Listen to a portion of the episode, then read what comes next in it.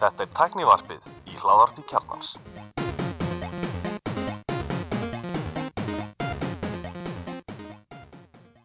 Góð með því sæl og blessuð og velkomin í tæknivarpið.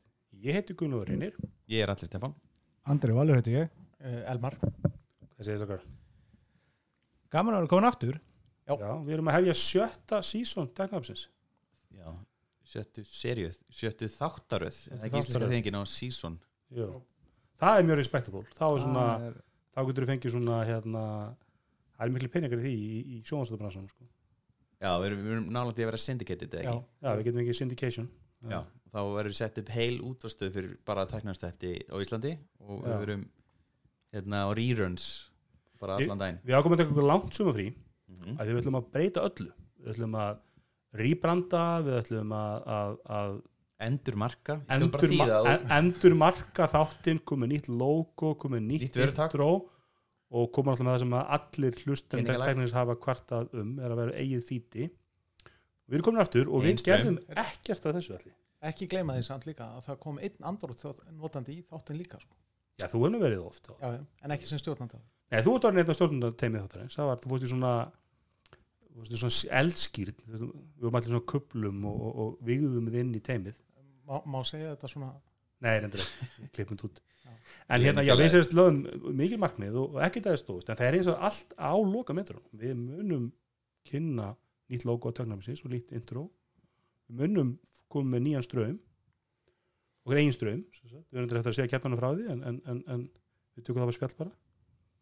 Og þannig að það, eru mikla breytingar framöndur tögnarminu og, og við erum mjög spennti fyrir þessum vetri Já.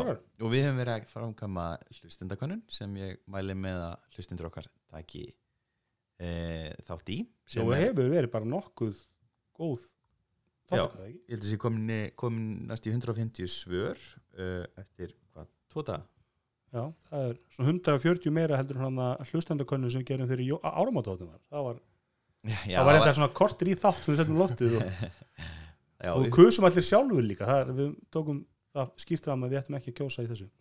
En, en það sjáum við svolítið áherslunar, hvað erum við að hugsa?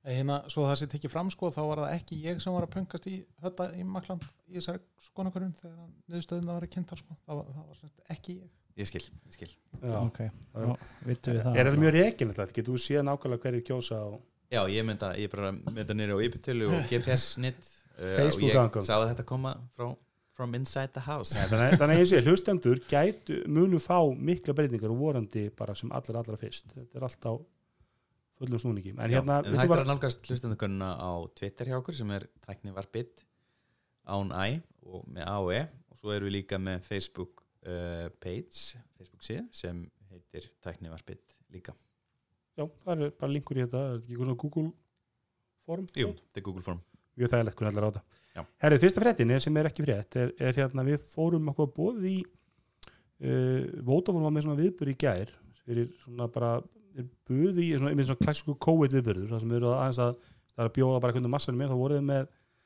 trukk frá Huawei sem er fyrir utan uh, Nord, eða var fyrir utan Nordica hótelið. Þá tókuður mót svona litlum hópum bara yfir allan morgunin og var að kynna 5G væðingu og svona til með þess að Vodafone er ofnvel að fara að stað með 5G uppbyggingu þar svo. Já, sem, hún á að hafa fara af stað hérna fyrsta september þá setti Vodafone upp uh, sendi og hann á hérna, Suðlandsbreyt þar sem uh, Vodafone er til húsaðum held ég. Þannig að þetta er sagt uh, officially hafið hjá þeim. Og, og þetta var, þetta er þessi vagn eða þessi trukkur eða hvað þetta er svona, einhver svona ofvaksið felli í þessi Já, þetta er svona felli sem þetta er að draga opna- miljardamæringisins Það er þetta að stækka út til hliðana þetta, þetta er væntalega hluti af þessu Barcelona hérna, sjói sem að, sem að Huawei hefði verið með sko. Já, Já, og á að farum að þetta er, er alltaf, er ekki alltaf, við erum alltaf fyrsti áfangstæður í Evropatúrnum, þetta er sérst fyrsti áfangstæðurinn í Skandinavíu túr þessa tröks Já. og það sem ég ætla að merkast við þetta hvað Huawei býr til mikið að dóti. Að það voru alls konar hlutaröðinni framleitur þessu fyrirtæki sem alltaf kannski ekkert til að þekkt á Íslandi mm -hmm. lenga markas stöðu í Íslandi þeir eru að búa til alls konar flotta hluti. Já, það var hann að fara til að segja. Ma- made book. Hérna, síndarveruleika gleru sem voru, eru vist þau léttustu sem eru, sem Á eru ekki komin á markað en Eða- þetta eru á leiðamarkað Lóðið mjög góðu með að við, við prófum svo önnur mun stærri sem virkuðu mun verri. Já, það Svo er Magic Leap. Nei, þessi seinustu voru mann í fúsból já, það var sem mun verri gleruðu miklu stærri. Hva, hvað, það, voru eitthvað, það var eitthvað, já það var Oculus eitthvað. Já, það var fyrst tekkinslu Já. allan, þeir- þetta þú voru svona stöðvar þú lappar með stöðu og fekk svona kynningu á ýmsum þáttum 5G já, spritta á milli. Sprittaði milli og endar spritti og það er svolítið fyndið við þetta að það var ekkert 5G þarna. Nei. þetta var allt kert á Wi-Fi og að því þetta var kert á Wi-Fi það virka allt ekkert alveg nákvæmlega eins og það myndi gera á 5G og ég er blótt verð Nei, þeir- mikið tekið fram sko. Eða þegar þetta komið á 5G þá hérna, verður þetta miklu betra ekki svona hægt og högt og eitthvað en, en það var alls sko, og það var svo líka skemmtilega fjölbreyta stöð það var Já. ein stöð það sem var verið að sína svona þú veist, þá var, fór vöggur, þá var eitthvað VR gleru, þetta var mikið VR og AR pælingar Já. og þá var það með svona eitthvað hanska sem að getur að grípa einhverja hluti og vinni einhverju það gæti hugsað fyrir sko læknir að skera upp einhvern í, í fjallæð eða eða þú ert að vinna eitthvað verk í, í einhverju fjærstur einhverjum róbóti eða eitthvað slíkt sko Já. Og hérna og svo voru líka svona, þú veist, það var tölvuleikja streymi þú veist það eins og, eins og stúdía frá Google og svo leiðis en hún virkaði, við gætum ekki fengið hann til þess að Eh, Þetta var, þetta var svona, en það er kannski bara út af því að fítið var ekkert rosalega gott sko. með og já, svona alltaf mikið fólki þarna og við höfum svona kannski spurðum erfiðar spurninga Já, eða, eða bara spurðum spurninga. Ég meina fá ykkur, þið, þú og vöggur saman sko með alla þessa tekniþekkingu Prófum allt prófuðum allt, þetta var mjög hérna, mjög skemmtilegt og flott hjá Vodafone og, og hérna Ég er sammála því, þetta var, þetta var flott hjá Vodafone og þetta var flott hjá Huawei að sponsa þetta en hérna, ég svona saknaði þess að fá aðeins meira svona detail í svona undirliggjandi kerfi sko, ekki bara þjónusturinn sem er þetta að leggja ofan á skilið Einmitt, ég fór aftur í dag uh, og þá var Nova með 5G trykkin og það var aðeins öðruvísi uppsynning, sami trökkur eða? sami trykkur Nú, ok. bara, bara búið að skipta út litunum eða, uh, Nei, þau held ég hef ekki brandaðan Nei. en þau voru sem sagt, með hérna, uh, fólkastænum frá Nova og hérna, Sena var að sjá um þetta fyrir þau Mhm.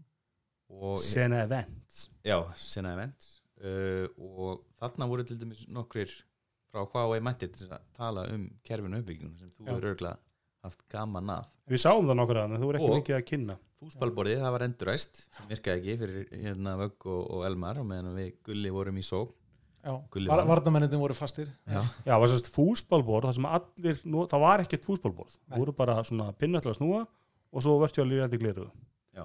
og hérna, ég vann fyrir en skver það er svo terru Já, Og- það var að því að markmaðurinn og varnamæðurinn náttúrulega sá ekki hvað var að gerast sko. ég er árinni kennir sko. Hérna, já ég vissi ekki þetta þetta er sérsturinni bara Huawei dæmi. Já, þetta er- þetta er þetta er- kemur Huawei. Vodafone ekkert við Sendi er- nefnd frá kínverska ríkinu það ekki þá Nei, ég, ég, ég skildi að það væri samstarf Vodafone og Huawei og þessi trukku er að fara á Vodafone brandaður um allu, allu, allu Já, Vodafone já, já, staðina Nei, þetta Það er er ekki þannig. fyrir þau sem vestla þau fyrirtæki sem vestla Huawei, þessi kerfi sem eru sem sagt Nova og, og hérna Vodafone á Íslandi Er það fyrirtæki sem er ekki amt um persónuupplýsingar hérna viðskiptaðin er það, er það, er það mengið? Eða? Hvað var þetta? Ég, Ái ég náðs ekki. Þetta er bara þessi rúmar með Huawei þessi gramsjöld Já, menn það sé einhverjur bak baktir En þessi fyrirtæki sem er það að vestla við Huawei í uppbyggingunni. Já, þetta eru þau fyrirtæki sem eru að kaupa 5G búnað frá Huawei. Það er þá verða á Íslandi Vodafone og Nova mm -hmm. og símum mun svo Senda sjálfsögðu byggja sitt eigið 5G kerfi upp sem verður Ericsson. Það verður nákvæmlega Ég er myndið að tjóka með það að það væri svona Er það það? Sími myndi ekki síminn muni byggja upp Eigið 5G kerfi? Já, Er það staðfestið? já ég meina ég held að það gefi, gefi auðvitað leið að það byggir að, að síminn byggir upp Eriksson 5G kerfi En var ekki eitthvað samstars lofarðum að þeir ætla að byggja saman upp? Jú, en þá, þá verður það væntanlega einhvern veginn á, á, á þann veginn að, að, fyrirtækjum byggja upp sinn eigin stað, skiljið þú veist, Nova byggir upp í Vestmannum og, og, og, og svo fá hinn bara að fljóta með. Vodafone í Reykjavík og, síminn á Íslandi? Já, eitthvað sliðis Ég meina, síminn lítur að vera stærstur eins og vanlega Ég, ég sagði það hérna í 5G þættinum að ég hefði enga trú á því að síminn myndi undir nokkur um kringustæðum vera með í nefnupingu þetta myndi síminn alltaf vilja eiga, eiga sitt kerfi sem tekar allt Ísland. Ég held að það ég, sé ste, ekki ég stend við það Já, þú vinnur hins og hjá Mílu þannig að þú veist kannski aðeins meira málið en ég og glottir hérna við, í settinu en, en þú ert ekki hérna fullur í Mílu þú ert Nei, nei. fullur í þín svo þín eigin skoðana. Ég vil fá eitt kerfi punktur. Já, já, ég er alveg saman það, ég er bara ekki trú á því. Ég held, bara, ég held ég- bara að menn munu finna menn fara á stað í samstarfið en ég held bara að síminn er þannig fyrirtæki og það hefur gagnað síminn og óbúslega vel í kemur tíðina að eiga alla virðiskeðina og ég held að í jafn mikilvæg uppbyggingu eins og 5G er þá held ég að síminn muni komast á sömuniðistöð þar eins og í 4G og 3G og 2G og öllu að það er best að eiga þetta allt. Já, en hérna Var ekki verið að náttúrulega- færa farsíma nettið inn í milju? það er náttúrulega ekki búið Nei, það á að gera það. það stendur til og en það er bara hjá samkjörnum að, að, að úrskurðum að hvort að það sé heimilt eða ekki sko. en það stendur til Eitt hérna, ég ætla að skjótast án við slútum Votofon, ég ætla að hrósa Votofon reitt ég, hérna, ég var hérna kefti enska boltan eftir mikinn þrýsting þessu þætti hérna ég var betur miklum þrýstingi mjög hluti ósangjörnum að, að kaupa enska boltan og mitt heimili hefur þurft að leiðir þetta þann, þann, þann, þann, kostnað, þannig að þúsund krónur á mánuði af í heimilisbókaldinu og ég bjóst við því að, að, að Votofon myndi svo bara lauma inn bara, því að nú er enski boltin farin að staði það ekki, það er búið að fyrsti leikur 12 Já, en með samfélagsgjöldurinn er búin, það er svona fyrsti leikurinn í sísoninu. Já, já, já, hann Og- ætla og- og bara fram daginn eftir að síðasta leika eitthvað, sko. reyndar, reyndar. Og ég hugsaði bara ok þú veist, að ég kíkti eh, hérna, að því ég fæ ekki reikningin ég svona kaupið þetta í, í samkurli vannan og, og mig grunni að væri bara, nú er búið að hækka þetta byrja fjóra fimm eða eitthvað. En ég hringdi Vótofan bara í dag og, og fekk þessu að Vótofan er ekki að rukka verið ennska boltan í september. Og nú er ég þetta bara að treysta á einhverja stúlku í þjónustunni. Ég vona að hún hefði talað í nafni Vótofan og vita þetta upp á tíu. Rólegur. En hérna stelpur horfa líka á bolta sko. Nei, ég, nú, ég, ég er ekki að fá það frá markastjóra Vodafone eða eitthvað Ah, slíkt, skilur við bara ok. gerum þetta þessu réttur upplýsingar. Það ekki næst. af því að ég alltaf, en, en, en eins og hún sagði þetta þá verður ekki drukk verið einska boltan september og það verður tilkynnt ítalega þegar verðið liggur fyrir, af því að við símin hefur ekki svarað tölubóstunum og sagt því hvað endursölu verðið verður á. Þannig að Vodafone vantar að geta einhvern kostnað hann um að ég myndi setja svolítið í takt við þessa nýju nálgun Vodafone á þjónustu sem þeir kynntu hinn í sumar. Já. þannig að ég var mjög ánægð með það sem, sem viðskiptaðan Vodafone með krókaleðin. Já, en svona svo það sé sagt sko að þá náttúrulega varstu ekki undir þrýstingi frá þessum þætti fyrir að kaupa boltan sko, þú bjóst til þennan þrýsting Nei. alveg sjálfur. Já, þetta er sko að sjálfskapa viti. Já, reyndar, reyndar er svolítið til því en, en hérna og, og ég stóð líka sem sagði, ég sagðist, sagðist mun að kaupa þetta og ég spáði ég myndi, myndi örulega ekki horfa fleiri en eitt leik og það stóðist, ég horfði því á eitt leik í þess fyrir þennan penning, en ég sem bara kefti stötusport Ísland sem ég veist alveg óbúðslega sniðu þjónusta og einmitt svona í takt við þær ástu sem við höfum verið að segja stötu eftir leikja, lækka þess verðið og kom hérna, það sem þú vilt fá. Það er að fjögur skall allur íslenski fótboltinn sem ég bara mjög sangjandi er fyrir það þeir eru að gera þar. Og það er alltaf verið sérstaklega mikilvægt í COVID þegar hérna, þú getur ekki farið á völlin skilur að þeir hafa verið að sína allir leikina. Þannig að það hefur verið mjög mjög ánægð með Vodafone eða sín eða, eða hvað það heitir þar. En í nýjar áherslu því að nú er, nú er, nú er eins og við sögum á hann Elmar orðin gildur stjórnandi í þættinum. Og hann sagði burt með þetta Apple-drasl nú bara förum við í Android-fréttir Við viljum bara álfur fréttir alvöru fréttir, þannig að við byrjum á reyndar ekki glænjum Android frétturum en Android frétturum samt. Samsung Galaxy Note 20 kynntur Já. og svo Fold 2 fyrir mig sem hann líka, hann var kynntur á sama tíma en svo endur kynntur í gær. Þetta ekki að tala um Zeta Fold 2 heitir hann það? Hann heiti Hann- Zeta hann er- Fold 2 En Ég er svo það, spenntur. það er sem sagt þá nýjar og nýlegar fréttir. Nýjar nýlegar, Já. Note 20 Note 20 Það er, það er tvöst ekki kal- kostar frá 264.990 Nei, frá, frá 200 200 frá 200, þetta er eitthvað Það er svona svona gerfinót þetta er ultra. Sko, raunverulega myndi ég halda það að í, í Note 20 að það væri betri kaup raunverulega í bara Galaxy S 20 plus, Já, 20 stærri. plus heldur en í Note nema þið vandi þennan helviti stælu sko. það er, sérst, þessi, það er mikið búið að hérna, tala um hann síma í sumar uh, og hérna minni símin sem bara rétt aðeins minni, hann er uh, svona kostan unga afnót segja Já, flestir. já. og það er, eru eiginlega flestir kollegur okkar í, í tækni heiminum að segja að hann sé bara alls ekki þess virði. Þetta sé bara mjög fyrirlega sími. Ef þú ætlar að fara í Note þá farið bara í Ultra. Já, og hann er frá 264.990 Já. Já. en kemur með 512 gigabæta kynslubási og Kemur er, ekki er, er, er ekki 16 gigabæta vinslu minni eða 12 eða eitthvað þú veist, 12 eða 16 ég meina. Nákvæmlega. Ég ætla að segja það að þessi nýja hönnulínu hjá Samsung sem við kynntum mest 20 og það eru fínbúsaðna þetta eru fallegustu síma sem við kynnta bara þessi kopalitur náttúrulega bæði litinni er með og bara hvernig úst, þeir eru svo gjössamlega að ramma út Já. ná þessari rammalausu hönnun án þess að hafa, hafa gleri kúft eins og allir elskar. Nei, það er já, þetta er bara, þetta er bara mjög Þetta, það er ekki kúft sko. Jú, ultrasíminu kúftur. Og ekki, ekki 20 re- slettur hann er skjári sjálfur ekki það knúft kúftur. Jú. er ekki bara gleri kúft í endana? Uh, Ég held að skjárin sé kúftur á ultrasímanum, bara mjög lítið.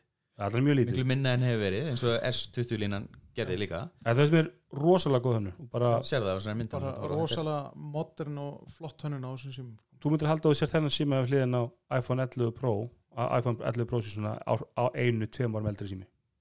Bara horfðu bara á hönnuna, veist ekki neitt um já. þetta er, þetta er sími sem er svona ári, tveim árum undan Byrju, Note 20 Ultra er bara með 8 gig. Já, ok.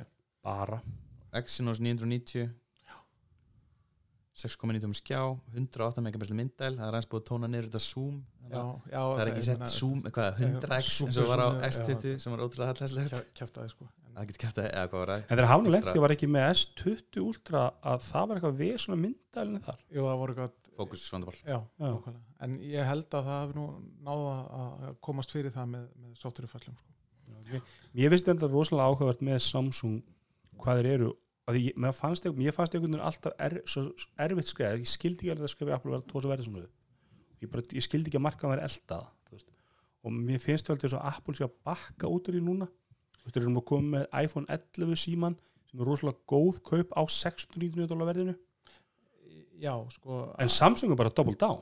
Þeir eru bara komið með nýja og nýja ultra dýra síma. Já, sko, þeir, þeir, þeir, þeir hækka verðin á nokkrum símum sko, en þeir eru náttúrulega með alveg ofbáslega mikið af frambóði í þessum ódýrari típum líka sko. Ég það lítur að marka, það lítur að vera fólk sem er að kaupa þennan ultra síma þú veist, kannski ekki í Íslandi, en allan heim þetta lítur að selja hennar síma í nóg miklu magni til að réttlega það hvað allan var þess að foldable sími en þá er þetta svolítið svona eins og þessi síma, Já. bílar í hérna sem eru síndir á síningunni Já. og svo koma þær aldrei út foldable sími, en ekki Note 20 Ultra sko ég, hann reyndar ekki en, svona, en síð, þessi S20 Ultra hann var svona, Já. þú veist, að hverjum e, e, hverjum Ultra síma sem sel- seldist af honum það voru kannski svona hvað, 5000 venjulir S20 síma er þetta svona Samsung ískapurum með skjá framan sem færið inn í Elko, svo kaupir eitthvað svona safe bet á 100 áskall sjá það skan, eitthvað, bang, bang, bang. En, þú, þú veist það þurfa allir þessar hero vöru skilur, sem að, þú veist, það er bara þannig. Það er einn í Það fjölskyldinni er- sem á svona það er ekki til, það, það er engin takmark fyrir því hvað mann getur langað í sko.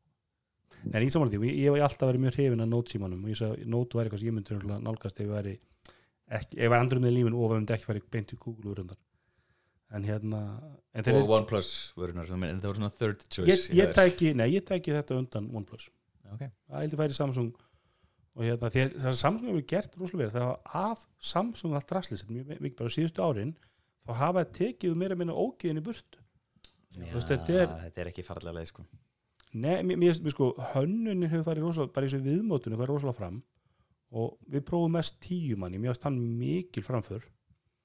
Og, og eins og mér er bara hardverlega að er, er, er Samsung að bara komast í hana klassa og, og svo sjá alltaf fólksíman alltaf verður nokkað með þriðja fólksíma Samsung. Og ég myndi segja að þessi nálgast að Já, vera svona fyrstu útgáðan að fóld með þá var þetta fjóruði þessi sem var innkallaður og svo var lagaður Já, en er Já, það það var sami útgáfa sko, bara innkallaður og lagaður og sendur út aftur. Já, ég myndi að, já, þú veist, þrýra fjóra, þetta er allavega ekki skilur önnur típan, þú veist, þeir eru koma með tvo retail síma undan. En, en, það, er það, en það, það er náttúrulega bara sama nálgun og var með nót á sínum tíma sko. Þeir byrjuðu með hann og hann var ekkert rúslega góður það var bara svona híróvara sem að hérna, þeir höfðu trú á. Og svo bættu þeirna bara þáka til að hann varð bara frábær sko. mm og það, ég er mjög spenntur að sjá bæði umfjallarnar um seta fold 2 og kannski svona umfjallarnar mánuð tveim á mánuðu setna veist, þannig að menn eru búin að vera með hann í vasanum og sjá hvort hann skemmist. Ég hef alltaf sagt, ef að, ef að Samsung getur búið til þess að fold síma og þeir virka, það er rosalega erfið að keppa við þá ég, ég velti því fyrir mér sko, að því að hann þú getur brotið hann saman í báðar áttir sko. Sem Nei. sagt, jú, þú getur haft skjáin inn í lokunni og Nei, jú, þú, þú, getur, þú getur gert það að, ég velti því fyrir Ha? mér já, það er algjörlega ekki að þetta það var mér og hérna Þú getur bótað eins og eins og hérna var ekki, Lenovo Yoga já, já, já, Já, Huawei 300 síminn. já, já, ok, já þannig að ég velti því fyrir mér sko að því að oft þá grýp maður bara síma til að skjá, kíkja smá. Hvað er klukkan eða eitthvað skilji? En ef hann er lokaður þannig það eru tveir skjáir sko. já, þannig að það sé bakið sko. Nei, það er, nei þú ert röglega, það eru tveir skjáir á hann. Uh, skjárin á framhliðinni sem var úr svo lítill já, hann er núna alveg En full size. hún hérna hún hérna Mirjam Djóar var að tala um þetta að hérna Íslandsvinnurinn í Íslandsvinnurinn, vinkur okkar. Að hún talaði bara um það þín, að- að hún má hérna, hún mátti reyndar ekki segja neitt nema sko, um það síma þegar var kveikt á honum bara þegar var slögt á honum. Og þá talaði hún um það að gæti, það gæti verið freistandi að lokunum öfugt og hafa hann í vasanum að því að þá getur þú sko kíkt snögglega á skjáin en þú ert með skjá utan á? Já. af hverju ættur að vilja þetta er kannski minnsminni hjá mér. Já, ég, ég ætla að horfið á kynningavídeónu í gerð það var ekkert um þetta þar sko. Nei. eða ég hef verið að horfa á eitthvað annað með hann ég vil alltaf að gera hluti inn Ka kannski var hann að tala um dúo síman frá, frá já, við, við setjum stjörnu við þessa Já, stjörnum við Ka kannski var hann að tala um dúo frá- en allan er, allan er framhliðin. Já. það er komið alveg full size skjá sem fyllir út í ramman og myndavelin alltaf er að með svo myndavelin og er í S20 eða ekki? Þannig að Snapdragon 8 er ég með þessi símir að kosta svona 350 hérna. 370 er það hvað verða á hana? Já, hann er komin í forsölu á Elko hann Já, kemur. til Íslands 369 Hefði, það þurfum nú að redda okkur Vist ekki með hingað? Já, við þurfum byrjað að kaupa sko, tryggingar þá. Ég ætla ekki að sem, sem prókúru hafi og, og gjaldkjöri félagsins þá ætla ég ekki að ábyrgjast Nei, mitt taukið á meðan það er í vörslu Nei, nei, við- það var, það var, Þessi sími er hins vegar 12 gigabit. Já, en ég, heru, ég þarf að leira þetta mig. Það var dúo símin sem hún var að tala um. Já, hann er Já, einmitt já. Microsoft Já. dúa síminn, já, já Ef við kannski Hann er um alltaf næst. ekki með Við getum tekið hann næst sko. Hann er ekkert ekki með skjá eh, hérna að aftan Nei. en ég, þessi kláru þá bara Samsung Já. þessar tvær kynningar að, að veist, ég er ósað spenntur að sjá hvað, hvernig dóma þessi fólk er að fá og hversu viðkömurinn er ekki að þeir kynntum þetta kústin inni sem á að taka allt ríkið í burtu og, og tryggja að ríkið er ekki að fara undir glerið og hann er alltaf með gleri tvö er með gler skjá, ekki plasti þannig að Þetta er verkfræðilegt afreg það er bara, Mhm. Já, og, það, og ég veit ekki hver getur keft við þá. já, ég meina það hlýtur að vera þegar að Apple finnur upp foldable síma þá hérna Já, en ég held bara að Apple get ekki búið til fólkdagsum. Ég held að Samsung vilji desperately selja þessa tækni og ég held að það sé held- meirinn til ég að fá Apple viðskipti og, og, og þá eftir svona tvö ára þá getur Apple sagt að þeir hafi fundið upp foldable síma og hérna. Þegar þessi er búin að seljast í einhverjum nákvæmlega. þegar Apple selur fleiri fólkdagsíma, fyrsta daginn heldur allir fólkdagsíma allara framleiðenda frá já, já, af því þeir fundið það upp sko. Af því þeir funduðu upp. Sko. Það En ég er búin að vera svolítið að fylgjast með þessu Ég hérna, er að fylgja mjög mörgum hérna, svona tech-tubers og það logar allt þú veist, þeir elska þessa síma Já. Finn þetta er Nelson. ógæðslega cool græja líka. Marquez Já. og hérna, John Rettinger Ég meina, kveikir þetta ekki í græju fíkilinni þér? Nei, ek- ekki fóld, ég hef engan áhuga fóld, ég hef bara null áhuga fóld sko ég hef Hins vegar finnst mér flip símin Já, mjög eins og, spennandi. eins og hérna var ekki Nokia, nei, Huawei sem var með eitt svona Eh, Moto. Huawei var með bara svipaðan sem hann. Hann eins og opnaðist, lokaðist út. Þú veist, glerið eða skjáan ut, út, utanverðið. Já. en hérna, sko ég hef engan áhuga á því að kaupa mér svona síma. Ég hef engan áhuga á því að borga En ef hann kostar 120, sko. já, já, já, algjörlega, ef hann er geðugur þá bara, já, Ég meina þetta er bara næstu kynslu af flagskip við erum bara fimm árum undan. Auðvitað kemur, þeir, þeir kynntu náttúrulega hann að setja flip hann var hvað 1300 dólar þegar ekki? Já. Þú veist þannig að það, er, það eru innan við fimm ár í 1000 dólara fólksíman,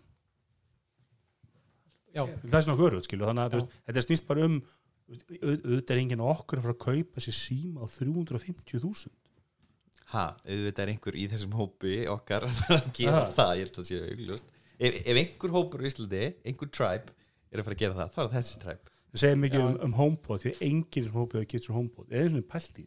Ég fekk hópun í prónin til svar og hérna, fallegur hátalari en rosalega það segir mikið um HomePod. en, en ég, ég, er, ég er ekki að sjá veist, maður- segja, en jú, en þannig líka kannski segja mann svolítið að þetta er kannski fyrstu retail fólksímin að því leiti hann er að koma í almenna vestlæðan á Íslandi. Já. hann verður að fara um allan heim hann er framöndur með magni og þetta er náttúrulega, þú veist, þú mætur í lagarinn skilur með þennan, tókst þryggja manna laun og, og kefti þér 370 svona fólksíma þú er aðal spaðin hjá hver einhverju tvei, þrýr nördar bara sem að- Heri, þá getur kannski alltaf varum í, í, í Microsoft. Þeir voru Já. með viðbúr eða kynningu þau voru á, með kynningu, og hérna á Surface Duo. Já, sem fa- þeir, þeir eru ekki eins kokki með hann eins og, eins og Nei, og þar er náttúrulega hönnunins á sjálf, sjálfu tækinu frekar svona dated, sko, þetta er ennþá meira svona en ég myndi ekki segja dated, ég myndi svona verið raunhafari Já, og svona svona praktískari. Það er náttúrulega allavega tveir skjáir og það er hér á milli ennþá, þeir, Mhm. þau eru ekki komin út í, út í það að brjóta skjáin saman eins og, eins og Samsung gerir, sko. Svo er hann sjúklega þunnur, voru búin að segja? Já. Já, fjóri er- Já. hlið, eða þess að helming.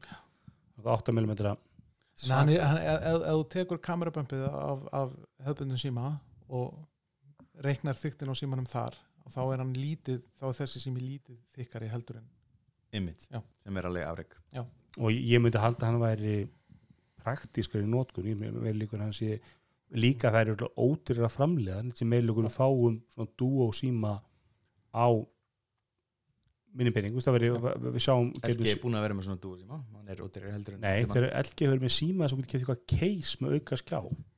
Voru ekki líka með dúo Nei, síma þeir hefur aldrei búið til dúo síma þeir er bara mjög heimskulega nálguna sem þú kaupir eitthvað case og svo er ekkit softur að baku það, þetta er algjört dumpster fire sko.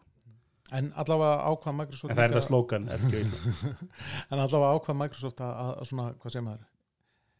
Að, að embracea brotið og, og, og bara aðlaga öppin sína að því að það væri brotið í símanum þannig að þú getur að vera með Excel öðrum megin og Wordinu megin. Eða þeir eru ekki að gera það, Google er að gera það. Já, Google og Google er að aðlega stýrikerfið af Og- þessu sko. og Microsoft í samstarfi við Já. Google að, að, að, að setja fram kröfur og, og þetta verður bara hluti af Android plattforminu Já. Það, er bara, það eru foldable símar og svo þessir split screen foldable símar Já.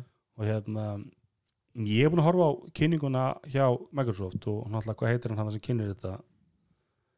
Hvað heitir mistarinn hann heitir ekki neitt. Jó, maður sjá.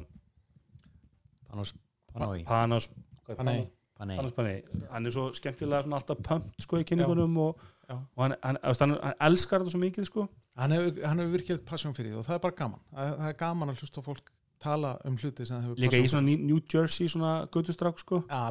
Þannig að hann er, hann er mjög skemmtileg ég horfði um þetta kynningu þeim og mér, veist, ég skal alveg ekki sér ekki að praktíska, praktískasta en ég held að við erum komið þann stað að þú við vorum að tala um þetta, um á hann í, í slakkinu okkar veist, þetta, er þetta sími, er Duo sími er, er veist, Galaxy Fold sími fyrir mér er það bara heimskulega nálgun er, er þetta tölvan sem gengur alltaf á með þér já, e- já, og en minna, er, ekki, ekki símiðin farin að nálgast það hvort þið er sko. ég, ég er að segja, þetta er bara sími er tölva ekki með, sími með ringjumöguleika sko. ég er að segja það þannig, þannig þú veist, mér veist ekkert að því að þessi tölva breytist eitthvað um forfrættar skilur. Þa, það, ekki. það málu breytin eitthvað annað því að ég get svaraði minn síman, ég svara nást aldrei síman á þess að vera með airpod í eyrunum og doppeltop airpodin eða svar í úrunu þú veist, þannig að hvort að iPhone minn sé eins og iPhone eða þú veist, eitthvað, eitthvað annað sem að nýtist og betur í myndi í social media og vinna og allt þetta. Nákvæmlega, þannig að það er bara að finna formfaktorin sem að, að selur fólki en ég, ég upplýði samt þess að nálgun Microsoft á markaðin, svolítið þannig þeir eru svo brendir af Windows Phone að þeir ætla að gera þetta þeir ætla að komast eins billega frá því hægt er ég, held að þeir eru enga trú að það er nokkuð minn kaupa hann síma Nei, nei. hann er rosalega low spekkaður hann er seldur þannig að hann er örugglega að dekka allan framleystukostnaðin og ég hef enga 1300 ég hef enga trú að Microsoft hugsi sér að þeir munu þetta er svolítið bara svona proof of concept Já.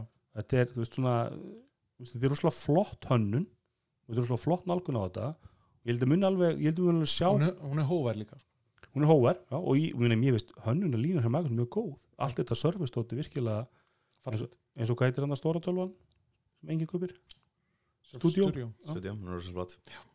Þannig að hann er alveg í takt við það en, en hún reyndar, hún veðra stilla og líkt emak. Aha, hvernig það ég sá hana bara í einhverju vestlun í Florida fyrir tveimur árum síðan og hún svona plastið svona verður Já, ljótt. ok. Sublegt. Æ, það er ekki allra að framlega plast en hérna en ég meina, þú veist þetta er corporate fyrir, eh, Microsoft náttúrulega er corporate þjónustöðali og, og þetta tæki lita svolítið af því að þeir eru ekki mikið á consumer market, þeir eru á corporate market sko. Já, ég, meni, ég vinn hérna hjá Microsoft fyrirtæki og, og er um kringum mikið af gömlum Microsoft hundum og það er mikið spenna, ég veit marga kannski ekki núna þess að ég maður þegar það er kynnt út í síðasta haust þá eru margir þar sem bara höfðu tekið eftir þessu og voru spenntir Alltaf mikið um Surface notendur og Surface tölvurnar eigi mjög diggan aðdóndahóp þau selja kannski ekki það mikið að þeim þú veist, en, en, en þeir sem kaupa sér einu Surface eru mjög líklegt að fá sér aftur Surface og eru búin að vera margar kynsluður Eh, ég minna ég hef komin álut svona tækjum þetta eru frábært tæki samla því, Það var reynda að nota þessi tæki í einu fyrirtæki sem ég þekki, stóru fyrirtæki og hérna langflestir skilu velni. skiluðu Surface Já. Já. Já, ég kannski, maður þarf kannski að fara svolítið svona Það voru. Surface Pro veist, það voru ekki þessar laptop. svo ekki Surface Book Nei. Nei, ég er ekki svona þeim sem eru svona, svona gata á milli það er reyndar um fleirum þannig í mínu fyrirtæki það eru allan að þrjár Surface Book það er engin með Surface venjulega Surface Book, já það er þessi með detachable skjá. Já. Já, ég var að tala um hennar laptop. Voru, já, ég, hef ekki, ég, hef ekki, séð neina já af þeim Surface koma. Ég skil ekki okkur að hún er ekki en selja akkur skiluðu henni? Nei, nei, nei, ég, ég er að tala um að sem sagt, þessa það er- klassísku Surface með það með sem ekki detachable sens að leiknaborði og- sútölvu er tekin en það var verið að taka bara Já, það er alltaf því að Microsoft þurfa aldrei markast þinn á vöru í Íslandi sem sagt hardware vöru einmitt, þetta er alltaf bara keift ekki mjög krókulegir þess að kosta líka rosalega mikið. Muni ekki vera að koma hann að litla Surface já, og var á Góða, Neo, 199 úst. Já, en hún var þetta sko eitthvað 120.000 en kostaði bandaríkjunum sko svipað og ódýrasti iPadin Já. kostaði saman til 50 sko lillin Já, ég meina, það er náttúrulega alltaf þegar þú þarft að vesla hluti svona á grámarkanum og koma Bæðið þetta komið grámarkaðinum og þú líka selja til kuna sem, eru, sem er kannski með þjóðum sem er 30-40% afslátt og öllu Já. og þá þarf þetta að hafa verið þannig að dekki afsláttin Mhm. Þannig að þetta nógu þetta, þetta verður bara erfitt sko. en, en ef, ef að Microsoft hefði áhugaði að þjónusta þannig að Surface marka á Íslandi þá fengi, þeir, fengi, fengi Microsoft mun betri business og, en það er ekki lengur Microsoft í Íslandi það var lagt að það er bara Microsoft í Danmarku það rekið það núna. Já, en það er náttúrulega skrifstofa samt. Það er já, hrætt en þetta er ekki lengur svona undir sömu stjórn og það var áður. Nei, nei. eh, ef að fara í, í Epic taka og Pixel frekar og undan. Klára. Nei, ekki taka aðeins tökum pixlu eftir ykkar já, tök, eh, Epic og, og hérna skiptum aðeins úr, úr þessum græjutælum í Epic og Apple já, Epic og umbóðsliðin er hellani ekki Setting Apple- and, Epic og allir. Epic er í, í, í Já, og eiginlega Epic og Apple og Google. Já, en slagurinn er alltaf mjög meira við Apple heldur en Google sko. af því að Google, Apple fann upp App Store e, Já, mögulega en, en það er náttúrulega svo sem líka að það er veikari grundvöldu fyrir kærunni gagvart Google að því að það eru tvö önnur, að minnst kosti tvö önnur App Store á Android sím Jú, kannski sumum upp, upp deiluna De, óbóðslega lítil. Deilan snýst um það að. Epic hefur verið mjög ósatt við það þeir eru að borga sem sagt, 30% af, af hverri hverju sölu sem er þá þessi ró- rópa, nei þessi, hvað heitir, V-Bucks sem þú kaupir og kaupir svona V-Bucks peninga. Já, þessi þetta er sem snýst um Fortnite töluleikin já, og engungum hann er free to play eða sem sagt ókipis að spila þann leik en þú getur keftir inn í leiknum uh, hérna síndar Cosmetic veruleika drasl bara. gjaldmiðil Já. sem heitir V-Bucks Mhm. og þetta er svo kallar in-app purchase og samkvæmt skilmálum Apple App Store sem og Google Play Store Já. borgaru 30% umbúslun ásamt uh, hérna uh, svona transaction fees hérna greiðslu Fæs- kortagjalda, færslu- færslugjalda, færslugjöld. já, Já. Mhm. sem eru cirka 2-3% eða eitthvað Já. svoleiðis og, og hérna Apple kallar þetta 5% þetta er raunin 25% sölun og svo 5% greiðslu fæslugjöld og þetta er náttúrulega sko gömul deli því að Epic sem sagt, til dæmis fyrir eina eða tveimur tó fór úr Play Store og hérna, Já. bara þú gast ekki fengið Fortnite leikin í Play Store. Nei. einlega til installa, sætlóta já, og þeir fóru svo í á einn. Play Store aftur hún í mæja, júni mæ já. og sem segir manni það að það var ekki það auðvelt að fá fólk til þess að sætlóta dölirnum Já, og fórstjóri Epic Team Sweeney segir að það sé allt þessum hræðilega ógnandi viðvörunum í Android-kerfuna að kenna og það ætti nú að milda þær. Já, já. en sko kannski, kannski er líka partur af ástæðinu bara COVID sko að fólk er ekkert átina bát að spila, það er bara heima hjá sér og þá spilar það bara Fortnite í tölvun sinni. Mögulega. Það kom fram að, sagt, Apple in-app purchasing er 12% að tekjum Fortnite. Já. Mhm.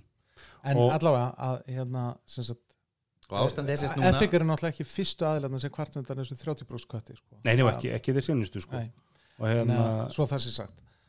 En, en deilan kannski eskileitar þarna að Epic setur út fréttakringunum að í dag komi út nýju uppfærsla af leiknum og hún sé sérst með þeirra greiðslu kátt og þeir hafa enga öðru en Apple mun samvikið þetta en það er rosalega gott fyrirtæki og vandað og, og bara til í alla framþróun og nýþróun og allt og, og öllum ómur þá hafnaði Apple þessari viðbóð uppfæslu Nei, það er ekki rétt. Þetta er ekki rétt. Skulum aðeins baka. Uh, Epic uppfæri Fortnite og ekkert gerist. Daginn eftir kemur leikjaðuffæsla sem er beint frá þeim. Stóri leikir eiga mögulega því að uppfæra sér beint fram hjá mm -hmm. Leikurinn, fólk sækir þessu uppfæsli og það kemur í ljós er komin ný greiðslugátt en þeir kynnt hana, þeir gafu út 30 þýlingu Nei, eða, sérst, þeir, þeir gera það eftir á Þeir uppfæra leikinn Já, og svo bættu greiðslugáttin inn í eftir á sko. Já, ég veit það, hún kom eftir á? í þeirra auðvitað en, en þeir kynntu þetta með pompa bragt sko. ég las þess að tilgjum þá var bara svona orðalega svona, þú veist, Apple virðir nýsköpun og, og, og alls konar rökstunningur akkur greiðslu var jafn örug og allt svona, þú veist, það var svo að fyndi orða sko. Já, en það er réttu, Apple hafnaði ekki uppfæslinu, þetta er svona Apple getið tóku bara Fortnite út úr Play Store og út úr App Store, bara þú veist, þeir tóku leikin úr sem á Google. Já. Já, og svo stuttur sem það kom Google og þá fyrir algjörlega til nátti Epic tilbúið vídeo sem var af, dásamlegt vídeo. afbökun af 1984 ölsku Apple. Afbökun, þetta var bara Já, nákvæmlega að eftir herrmaði svo leið Já. svona, svona hérna, grín útgafa Já, í Fortnite stíl, það sem þið voru að gera grína því að nú er Apple orðið Big Brother og Já. Að því Epic er náttúrulega bara lítið mom and pop shop sko, þú veist. Já, já. 17 miljardar félag. Og hérna, en deilan snýstandi grunna þetta að, að Apple hafi verið grjótharður í því að ef þú ætlar að díla e- einhvað í App Store Nei, ekki rétt, ekki eitthvað. Eitthvað, Digital Goods and Services Digital Good- Goods and Services það, Nei, ég var að skoða- selja. Nei, ekki rétt. Og þú selur tölvuleik fær Nei, þá Apple ekki Stadia fær ekki, að vera, Services. fær ekki að vera á App Store. Ef ég sel í Bara App Store þá fær Apple 30% ég fær 70% Það sem ég er reyna að segja núna sem vest fyrir ótrúlega mörgum og ég sá svaka umræðin á Forður á Íslandi þetta er ekki af Physical Goods and Nei, Services það, það er enginn að tala um það. Ég er að segja ef að þú selur, selur hugbúnað eitthvað í App Store Já. þá fær Apple 30% og ef þú selur eitthvað í þeim hugbúnað eitthvað viðbætur eða eitthvað slíkt eða eins og Digital Goods and Services Mhm. þá var líka Apple 30% og selur á þessur áskriftir að þessum hugbúnaði eða þessum þjónustum þá var Apple líka 30% Já.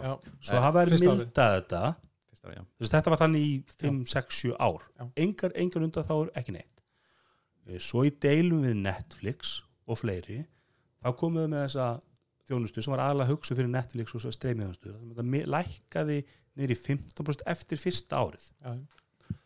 Og svo hefur það hins vegar verið svolítið svona messi hvað þú mátt gera. Þa, það, það er rosalega óskýr merkið á milli og skil á milli og ég meina Netflix fær að gera hluti sem margir aðri fá ekki að gera. Veist, Netflix leifir þér að, að ræsa beintin í Þú veist, það er ekkert annað á bakvið en hei þarna e-mailappið máttu ekki gera. Já, en það hei e-mail app er ekki veist þannig að þegar var búið til sér reglur einhverja örfári undatækningar já, ef þú er bara nóg anskoti stór að þá færðu undanþekninguna ég held að það snúist bara um það. Einmitt og, og hérna og Netflix náttúrulega líka sko, Netflix kvartað aldrei yfir þessum 50-30% kötti árið sem Netflix var að vaksa og nýjir miljónir og miljónir áskrifenda kynntust Netflix í App Store fundu appið, sænuð upp þar voru fljótir að komast inn.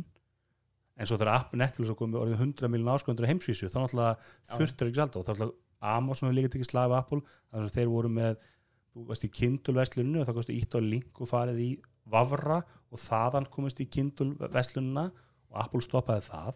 Og hafa tekið hennar slag fram og tilbaka og heilt yfir hafa Apple alltaf verið mjög. Og það er til vídeo sem stýtjum eru útskýrta og þeir eru ennþá nokkuð nálægt þeirri skýringu en eins og því það er þess að streymi þjónustur sem þeir hafa mildað reglum en það náttúrulega gilda samt ekki sömu reglur um alla sko. og það er það sem til dæmis Spotify bent á Spotify býður upp á þarna, þjónustu eh, tónlistar streymið þjónustu og þú kaupir áskrift og þeir með ekki auglýsa neitt í gegnum App Store, þeir með ekki láta því sem notanda vita til þess að fjölskylda áskriftinni sinni e e ef þú vildi fá að kaupa þarna af því að hún er ekki Spotify, bóð í já. að hún er ekki bóð í, í appinu. Eh, ég man nú ekki alveg hver Já, reglan eh, af hverju það er en, en, en, hérna, en hins vegar má sko Apple Music senda þér þessa tilkynningu Já, en það er samt, það, það- sko deila Spotify og App- Apple er kannski meira þú að Apple Music er að gera hluti og selja hluti Já.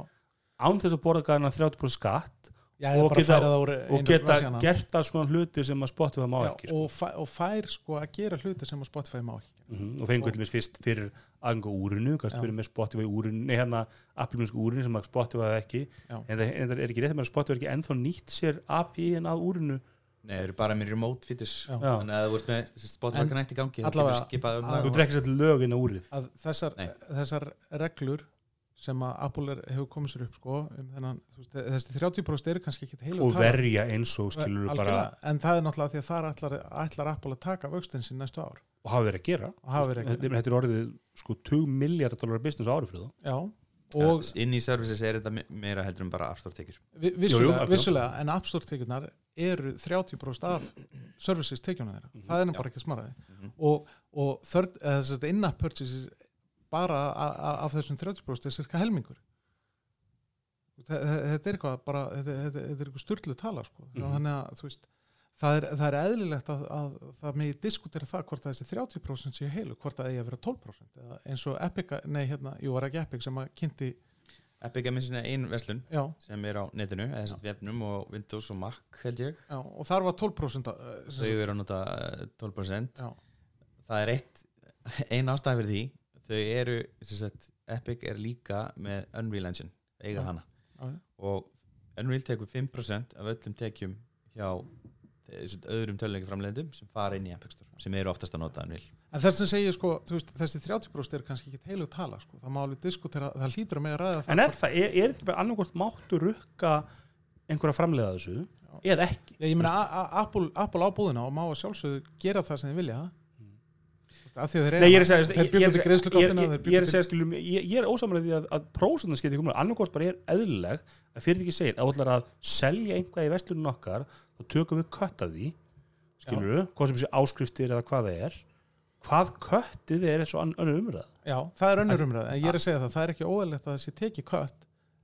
Ég held að nákvæmlega sem á vælið væri áttu köttið að vera 20%, eða 15%, eða 10%. Ég. Ég, ég held að köttið, þetta eru bara, að þetta er svo stóð fyrirtæki, eins og Netflix og Epic, að, að bara 5% eru miljardar. Já, já, það er, er alveg rétt, sko.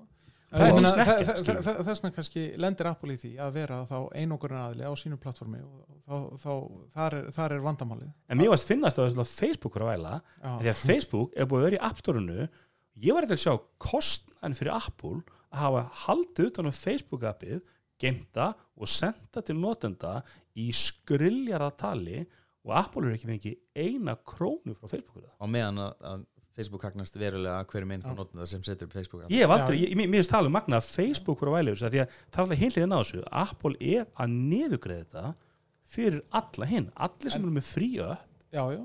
Ég, ég minn, það, það er alveg rétt. Og Og þú mér, getur- mér, mér, mér fannst til dæmis mjög er undarlegt. að niðugræða hvað ef, Eh, ef, ef þú setur app í App Store þeir geimaði fyrir því, þeir uppfara fyrir því og halda Já. utan á það, rukki ekki eina krónu fyrir það Jú, þú borgar 100 dólar ári í hérna, já. hérna developer leifið og sína það á topplistum og, og En hvað er í ég sem neytandi búin að borga miklu premju fyrir þennan aðgang Menn, það eru bara neytandi sem eru að í borga tækjun, sko. tækjunum þá Já. Já, já, svo þá meina alltaf vi- vinsaldinnar þú veist, þetta hangir allt saman sko. ef það væri ekkert App Store þá myndur ekki nenn að vera með iPhone algjörlega. En það, er, það er til fólk sem en- segir að það sé ósangjækakart Apple og Google að vera með ókipis upp sem svo sannlega græða á digital services and goods með því að selja þig sem auðlýsingar Já. target. Já, svo er það bara heilin, en- já, svo er og- það, góð punkti líka. og síðan alltaf kom annað í þessu að það, það var það að Apple ætlaði að þvinga hérna, WordPress til þess að setja upp greiðslugátt hjá sér fyrir sko vöru sem að selur ekki neitt.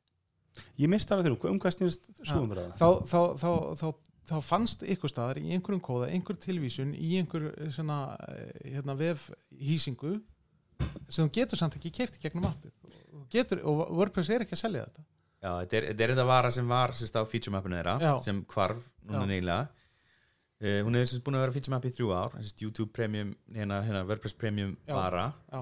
og hún einhvern veginn datt á ratar hjá Apple og App Store tengilegin hjá WordPress herrið þeim og þvingar þau til þess að setja inn þessa vöru Já, sem var á leiðinni og allt í hennu var hún ekki á leiðinni. Eða vantar að taka kóðun út. Já, já ég meina hann, hann, sem sagt, hann, hann WordPress segir að þau hafi verið neitt í það að komplæja við reglunar og byggu til þessa vöru og setta hann alla leið inn í in-app purchase í appinu sinu Já. og svo er henni er einhver herra settir sem tekur eftir þessu og bara hvað er í gangi hérna? Og Apple drefur þetta tilbaka og byrst afskurðar Það- svo er náttúrulega sko alveg bara á þetta er bara eitthvað einstakt að Apple hefur byggðist afsökunar á einhverju í tengslu við App Store sko. og svo náttúrulega heimálið, það var náttúrulega mjög stórt núna í byrjun sumas og mörguleiti mjög skiltmál náttúrulega var hann að náði hámarki bara þegar WWDC var að byrja. Og það snýst svolítið með það, þannig þetta nýja e-mail forrið sem er subscription based forrið þú kaupir áskrift og þeir hafa engan áhuga að gefa Apple einu einustu krónu. Þeir vilja Apple publishi sig og síni sig og deili sig og hýsi appið sitt en það ætla ekki, ekki áhuga að borga krónu fyrir það. Þannig þeir settu bara login screen. Þú bara sækir appið frýtt í appstórunu loggar þessu inn í hei áskriftina þeina og kennst inn. Eh, áður en hei appið fyrir loft erum búið að breyta áskriftur reglum Apple. Það er er mismöndi hvað þú ert að gera. Það er ekki sem reglur fyrir Netflix og e-mail app. Ég man ekki nákvæmlega hvað undir hvaða flokk e-mail app, það var mjög svona loðið sá flokk að virkaði svolítið viðtækur það var svona, svona gerrymandering í kringum sko, Netflix, Amazon appin sko. en, en það var mjög skýrt eins og vandamálið er það að Apple enforsar ekki þessu reglum á app sem eru komin út. Og þar lendi þegar hei er að sest, senda sína umsóknir inn að það voru fyllt af appum sem gerur nákvæmlega það sama, e-mail upp að, og áskriftur upp sem voru ekki Netflix, voru, voru mjög sambælum geira og, og hei það þú gæst sótt container appið loggaði inn og þú fórst í appið þitt þær reglur gildu alveg það sama um þessu upp. Það sem Apple gerir til að milda höggi til að fá ekki allan skítastormið þegar þeir gera reglubreitingar að þá er reglum það settur út og það taka gildið þurru uppfæri appið. Þannig að næst er þessi e-mail fórið sem hei var að keppa við sendi nýja viðbót þá flaggar þetta einhverju og segir ok, hérna ég sé hérna þeir eru með hérna þetta er bannað núna og þið þurfa að breyta appinu. Og, og það má deila um það skilur, það má deila um af hverju á hei að fá að geta verið frítt í appinu og fengi alla þjónustuna frítt skilur er það markað samlægt ef Apple fyrir að rukka að kosta bara 10.000 dólar að vera með app sem fær 100.000 download skilur, eða 100.000 dólar eða veist hvað það er, bara einhver svona sangjarnan ekstra kostnað Nú skilur ertu að koma að sérsta punkti sem skiptir miklu máli uh, sem er einn af tveimur svona sem tengjast App Store. Það er kostnaði þegar reka App Store. Og mér minn, minnst að þegar App Store fyrir stað það í rauninni er þeir að borga talsett með Þá er Apple að borga með App Store-unu þeir kynntu þetta bara þetta, væri bara að dekka hýsingarkostnað og serverana og svona. Já, Þeir og ekki framleiðis, sko. ég fyrstu tvö eða þrjú árin það er rauninni er nei. það er ekki mýjandi gróðana það bara tekur tíma að byggja upp plattformi og, og græða því. En spurningin er það er kostnaði baka þetta hver áborgar og okkur á hann að vera frýr? Apple er að láta rauninni Netflix og Hey borga e, e, veist, fyrir hina skilur Já, Þú veist, ég- Apple vill að allir þeir sem eru bara með frí upp og þeir eru bara fríir hinn sem borga, þeir borga fyrir allan í rauninni. þeir dekkar ekstra kostnaði fyrir allt batteri þannig er mótil Apple í dag skilur og, og það má deilum það, er það betra að verra fyrir nefnum, væri betra öll opp þyrfti að kosta eitthvað? Þeir eru að borga bara einhver svona appstól hýsingagjald fyrir, þú veist? Er sangjant að vera með vöru í búð og ekki rukka þú veist, nú er allir búin að færa sig yfir í áskættamótil til að reyna að koma sér frá þessu að vera með one time rökkunin í afstörunu ég, ég, ég, ég, skal ekki segja sko, ég, hérna, Já, það er alltaf að borga jafn mikið að því. mér, mér, mér finnst 30% af því. sko ef þú, ef, þú ætlar að, láta alla borga og láta öll upp á kosta þá verður samt sá sem er að búa til appið að hafa einhvern kost á því, einhvern, valmöguleikum það að koma appinu sínu til þín án þess að rukka, þeim. Já, það er þannig núna. Já það er þannig núna en ef að það á, e, e, það á að, að rukka fyrir öllu Nei, eina sem, e, e, bara sjálfur þetta sko, tökum við burtu sér jáðatilvik Já. almenn regla er svo þú mátt verðleggja app hvernig þú vilt. 0 krónur, miljón krónur på þú ræður. Ef að þú ætlar að rukka fyrir appið annar staðar sérst, þá verður sama rukkunar mögulki að vera búið í appinu. Þannig að hei, hei getur selt, selt þetta heimasíðinu sinni á 10 dólara þá verður það að kosta 10 dólar í appinu. Og við ekki tökum vera- 30% Já, það, verð, það má ekki vera ódýrar á heimasíðunni það má ekki vera afsláttur á heimasíðunni en það máli vera þannig að þú en, en ef þú selur það á heimasíðunni þá fær þú 100% Apple fær ekki neitt. Ef þú kaupir í appinu þá fær Apple 30% það er einu reglan. Mér finnst að, að þessi regla hjá Apple um að það verði að vera sömu verð mér finnst hún svolítið farlega ef að þau ætla að leggja hann á 30% af hverju er það ekki bara 30% á verðinu? Já, ég, mér, mér finnst það.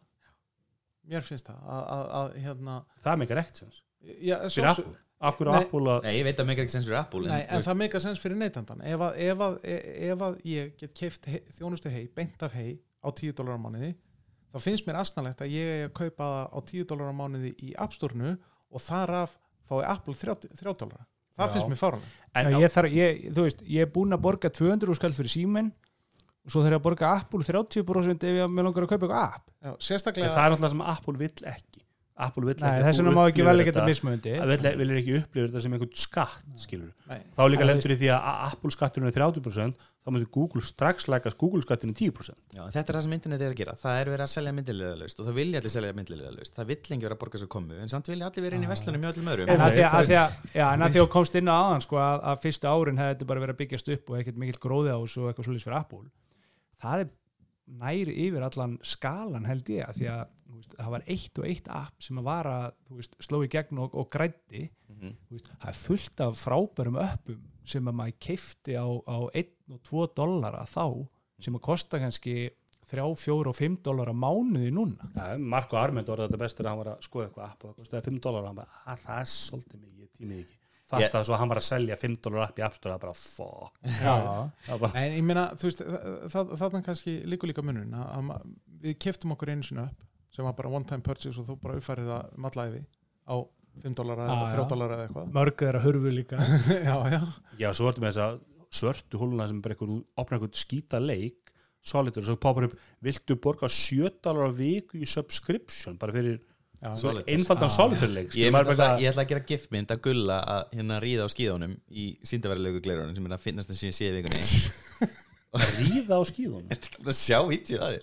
Sem fór bæði á alla samfélagsmiðlan okkar. Já, ég, hérna, nei, ég, ég, ég, ég Þetta var fylgdi ljótt. ekki svona. Og aðal gifmakerinn sem sagt, þú getur ekki exporta giffi úr gifmakerunum og það er sem sagt, það stendur hana in-app purchases hérna í þessu appi, ég næði þetta app startaði, get ekki exporta og ég verð að kaupa 999 dólar áskapt á mánu Hva, hvað er að þessu fólki? Ég er ekki að fara að borga 1200 kall á mánu fyrir að geta exporta einu giffi Nei, veist, ég, ég, ég, skil alveg og, meina, þetta er miljón sem hlustar á ATP og Daring Fireball sem er uh, John Gruber Talkshow skilja sem út með hann Apple developer heima sem þetta var bara, þú bjóst til Apple app þú seldir það á 30-40 dólara þú rukkaði 40 dólara hverja uppfæslu sem kom á einu svona ári og þú liður góðu lífi því og þetta er ekki til þetta er ekki til í App Store einanlega til að lifa við Store búið leiki er að búa til miljón leiki á mánuði svona catch up allt þetta sem bara að þú dæli bara út tveim, þreim leikjum á mánuði og eru, þú farið auðlskleikunar því og svo bara dettur það niður og þú fann næsta leik.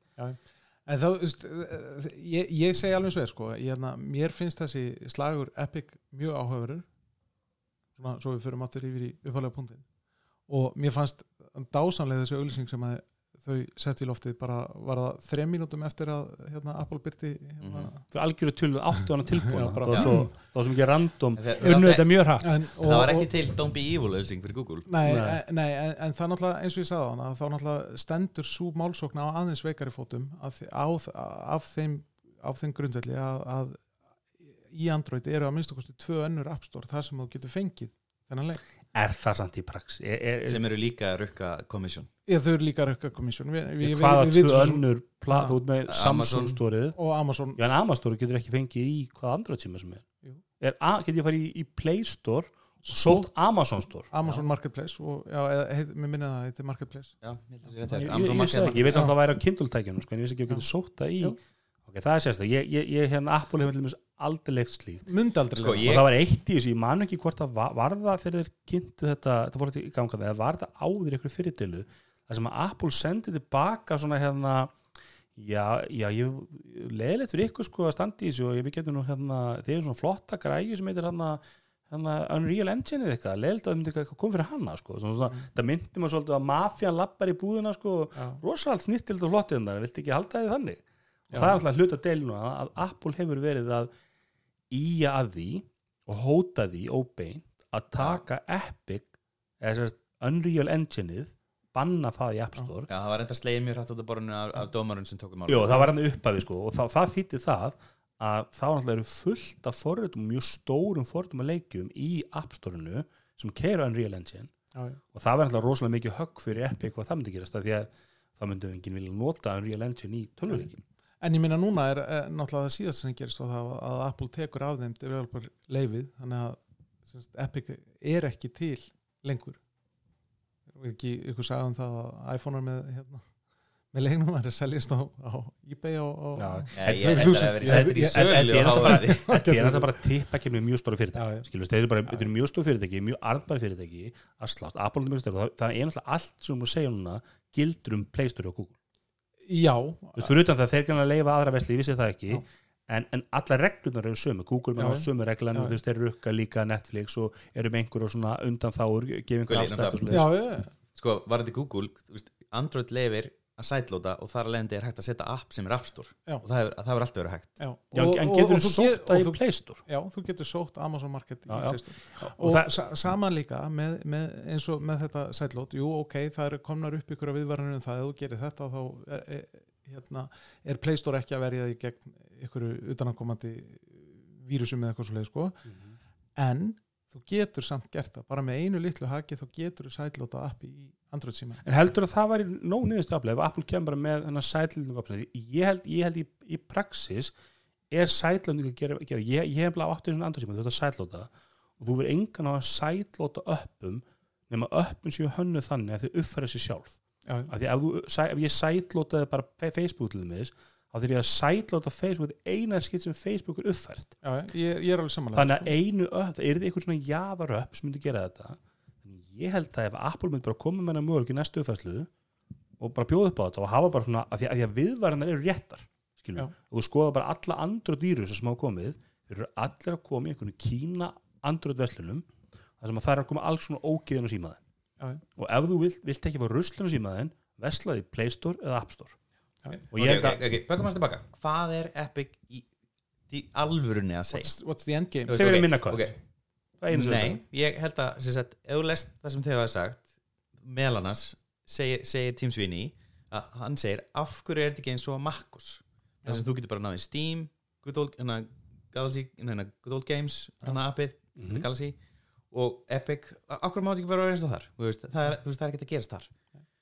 Og ef við pælum hans til því ég mitt sagði eitthvað en, á slækinu okkar bara eitthvað, já ég veist ég með svona makkan mínum og hann er ekkert verið fyrir vikið. Og svo fór ég eitthvað að hugsa það er það sant, veist er ekki iOS margfald stabilar heldur en Maccos er þetta ekki margfald betra stýrikari með margfald betri orkunýtingu miklu minna böggum, miklu minna vulnerabilities? Það er ekki tilvíðin að Mac og Windows eru áratu að koma stýrikjörfi öll stýrikjör sem hafa komið eftir að snjálsíma og touchbildingin var eru ný.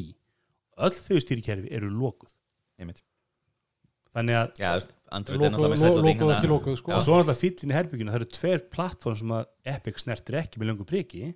Það eru Playstation og Xbox sem hafa alltaf verið lokuð hafa alltaf, og, og þar eru miklu harðari reglur hvað má vera plattform Mhm. það er alls konar hlutir sem að megi ekki fara sem Sony segir bara nei við viljum ekki svona app, þurfum ekki raukstuða neitt Nei, og taka 30% kött. Já, og Epic er ekki neinum slag þar. Nei, nei, og ég, ég held að ég geti trú að tekjur sem sagt, Epic af sölu í gegnum Playstation Store eru miklu herri heldur en á iOS. Og það sem svona og þess að við töl, tölfræðina ég er bara með bara að horfa á mitt heimili það er sonum minn spilar miklu meira en við erum alltaf að vita að við komum alltaf bara V-Bucks beint að síðunni sko. Já. og ég, ég sést fyrir mittleiti uh, ég laðast að Apple iOS stýrkjörinu út af þessum kosti. Og að þetta er lokaða garður. Ég hef ekki áhuga, sést, ef, ef mér langur í opin garð og ég er endar oftast með Android síma og ég er að sætla þetta uppum og mér finnst það alveg gaman en ég vil að minn, minn sími sé frekar í þessum lokaða garði ég meina Epic leifir ekki gulla V-Bucks verslununa í Epic í Nei. Fortnite, skilur, ég get ekki selt mína V-Bucks sem eru 50% Nei, ódýrari. en, en þeir náttúrulega gætu lendi í því þá Epic að ef, að þeir, ef, ef þeim gengur vel í, í málsókninu sinni þeir þurfi þá að opna, opna plattformu sitt fyrir, fyrir gulla hattarnir eru miklu ódýrur og kosta bara G-Bucks. Þetta, þetta er bara, þú vilja allir loka plattform nema þeir séu stattir inn í því. Já, já, en ég meina, þú veist en, en at the end of the day sko, þá er þetta bara spurning sko, er það eðlilegt að Apple og Google og, og fleiri geti þá þvingað hérna Epic til að selja sagt V-Bucks sama verði í gegnum Play Store og fá minna því eða selja það beint. Er það eðlilegt? Já, Mér, það, mér það, er, finnst það ekki. það er kannski erfiðasti erfiðasti hluturinn fyrir Apple að verja Já. er svo krafa. Og krafa er náttúrulega svo að til þess að fá verið í App Store þú mátt alltaf selja já, þitt allt hvað þú vilt, hvernig þú vilt. En ef þú ætlar að vera í App Store já, þá verður að bjóða jafngóðan díl í App Store eins og annars þar já. Og Mér, mér, mér finnst það svona þú veist, mér finnst þetta svona vera svolítið á, á, á svolítið gráðsvæði sko. En þetta eru er klassísku leikreglunar í umbúðslunum kerfinu í endursölu kerfinu, í retail eru þetta reglunar Já, en þetta MSRP. er, þetta Þetta er myndi- allt í lægi þar til þú ert orðin stæsti eða langstæsti skilur. það er eitt að, að Spotify sé með einhverja reglur eða Epic sé með einhverja reglur inn í sínu plattformi en þegar þú ert orðin veist, á þessum stærðar eh, skala sem að Apple er með App Store eða, eða Google Play Store veist, þá gilda gerðan aðra reglur sko. Já, og, þeg, og þegar þú ert sko eini fönnullin á milli sem sagt, þjónustu veitenda og neytendana já, já, Já. en, en, en, hjóla, sats- hjólamerkin eru þannig, veist, það er MSRP verð og það er verðið sem þú sért á síðunu hjá Specialized hjólaframleðarum hann, sem sagt, hérna, það er verðið sem allir aðrir eiga að fá og allir sjá. Allir Já. umbúðsölumenn og ég menna að að- að lestum bara hvernig vestlanir vinna bara veist, hillustað sem hvað þú borga þú ert alveg rukkaður allan hringin sko, þannig ég myndi segja hvernig sko Apple vinnur sína og Google alltaf líka eru miklu svona hreitni og bytni viðskiptið þú veist, kött, þú veist hvað þú færð þetta er til allstað, ég meina á, á stórum flott, flottum börum sem þú færð á, á í útlöndum þá borga vínframlegundu fyrir að fá að hafa flösku í hillunni Mhm. þú veist, barinni fá borga fyrir að, að selja vínið þitt já, já. meina en þú veist, það, það eru bara svo margar svona mismunandi hliðar, þetta er nálgast úr, úr öllum áttum en, en mitt point er kannski þetta að, að þessir stóru aðilar þú veist, í þessari stöðu þá finnst mér þetta svona ekki nóg jákvæmt sérlega þegar ég er búin hefur að ég alveg borga verið saman með þessu, veistu hvað þetta er, V-Bucks? Nei, ég er ekkert endilega að tala um eh, þetta tiltegna fyrirtæki sko. ég er bara að tala um sko, svo fyrir þá- mitt leiti sem lítill app, app, app framlegandi þá, þá hef ég miklu meira hérna, sérst, ég vil frekar að leikvöldu sé, já, ég vil frekar að við séum bæða að borga það sama og ég vil alveg komast inn í búðuna ég ætla ekki að vera minn eigin greiðslumil mér finnst miklu þægilega Apple og Google bara sjá um þetta. Já, já, mögulega sko. litlaðanir, þeir eru að fara þjást. Já, já. næsta Epic, það er að fara þjást. Ég, ég, ég, ég, er algjörlega, algjörlega því sko að, að þú veist, stórir aðeila sem eru búin að græða heilmikið nú þegar þú veist, ég klárlega klárlega hef ekki jafn mikla samúð eða sömu samúð með þeim eins og ég hef með þessum litlu sem eru að reyna að koma sér af stað. En heima Þurfa- náttúrulega svolítið nýr ungur aðili þú veist, sem að börði borðið sko, er endar mjög mikla kannur og bakvið sig sko. en, en, en, en Epic er náttúrulega mitt, þú veist, Epic er bara risafyrirtæki. Og við sáum líka í hann í vitna yfirlislunum hann á bandarska þingjunu þar sem við sáum, gagnin Amazon er, þeir eru með svipaða taktík þá eru þeir með eru þeir að greina alls konar sölu upplýska, þú ert að selja ykkur USB kapla og þú veist nákvæmlega þeir, Amazon veit miklu meira um þinn business nákvæmlega þú. Og svo verður algjörðu tilhengjum með Amazon Basic vara sem gerir nákvæmlega þú gerðir kostar 2 centum minna er recommended på Amazon og þú ert algjörlega fucked. Já, og þetta er er gerir mafía. okkur einasta, einasta degi skilur já, já, já þetta er en, en svo er hinlegin á þessu trúir því einhver að Apple geti tapað þessu máli? Ég meina Apple er með alla færustu lögfræðingi heimi á bakvið sig algjörlega botlausa vasa. Það eru meiri líkur á því að þetta geti tapað í Európa heldur en í ég, ég, Evrópu er miklu, ég alveg saman því Evrópusambandið miklu mér ók fyrir, fyrir Apple heldur um bandaríkin. Fer þetta fyrir dómi í Örbu? Nei, ég segi bara, þú veist, e, e, e, sko Spotify er, er, er, er að berjast í þeim í Európa eða ekki? veist, þannig að það er miklu, miklu meiri líkur á því að það verið sleið á puttana á þeim í Európa en það eru meira taktik eins og af hverju má Apple appið Já. gera hluti sem Já. að Spotify má ekki Já, gera en þetta er náttúrulega ángi af sama vandamáli sko. ég meina það vill náttúrulega enginn borga 30% af áskriftinu sinni til annars fyrir, það er rosalega erfiðu business að vera í Já, sko, það, það vilja sko, Spotify kannski er alveg tilbúið til að borga 30% af áskrift, áskriftinni sinni ef þeir hafa möguleika á því að komast framhjáði ykkur þannig að þannig að, að minnstu kosti hluti af áskriftunum farið þá beint. Já, þú geti keift á Spotify.com í, Já. í browser eða þú mátt keypt- það alveg, Já. það er allt í lagi. Sko, ég, ég finnst það vel eðlilegt að Apple sé umbúna en þú mátt það í dag náttúrulega Já. Já. Spotify má alveg reyna að beina öllum því með bara ekki segja það beint í appinu Nei, en þeir, en þeir með að segja að auglýsa öllu sjóp útverði kott og síðan Já. okkur eftir áskrift Já. og alveg þeir, þeir, með ekki, þeir með ekki láta því vita að í appinu að það sé því fjölskyldu áskrift sko, sem að Apple Music má ég held að það lítur þá að vera út af því að þú getur ekki keftin í appinu Já, ég held sér uh, mögulega af sko. því að ég, ég, ég kefti hérna, hef keft svona ekki einstæðnins áskriftir heldur fjöl, eitthvað svona pakka áskriftir í appi, ja, iPad sko En mér finnst það eðlilegt að Apple sé umbúnað fyrir það þegar það kemst á sala sem er virði peninga. Mér finnst það alveg eðlilegt ef þú ert búin að byggja veslin, þú átt hana minnst það eðlilegt þú fáir Þa, það er ekki óeðlilegt að þeir fái komissjón fyrir söluna, bara alls ekki. Og það er greinlegt að Apple ætla sér mjög stóra hluti með töluleiki á iOS og svo núna nýja MacOS sem er með ARM örgjura það hefur verið undirbúa stýringur núna bara fyrir að þetta verði leikjavél. Þeir eru bara að fara að búa til plattform alveg eins og Sony og Microsoft hafa gert með sínum leikjavél Já. líka einföld leið, ótrúst leið með Apple.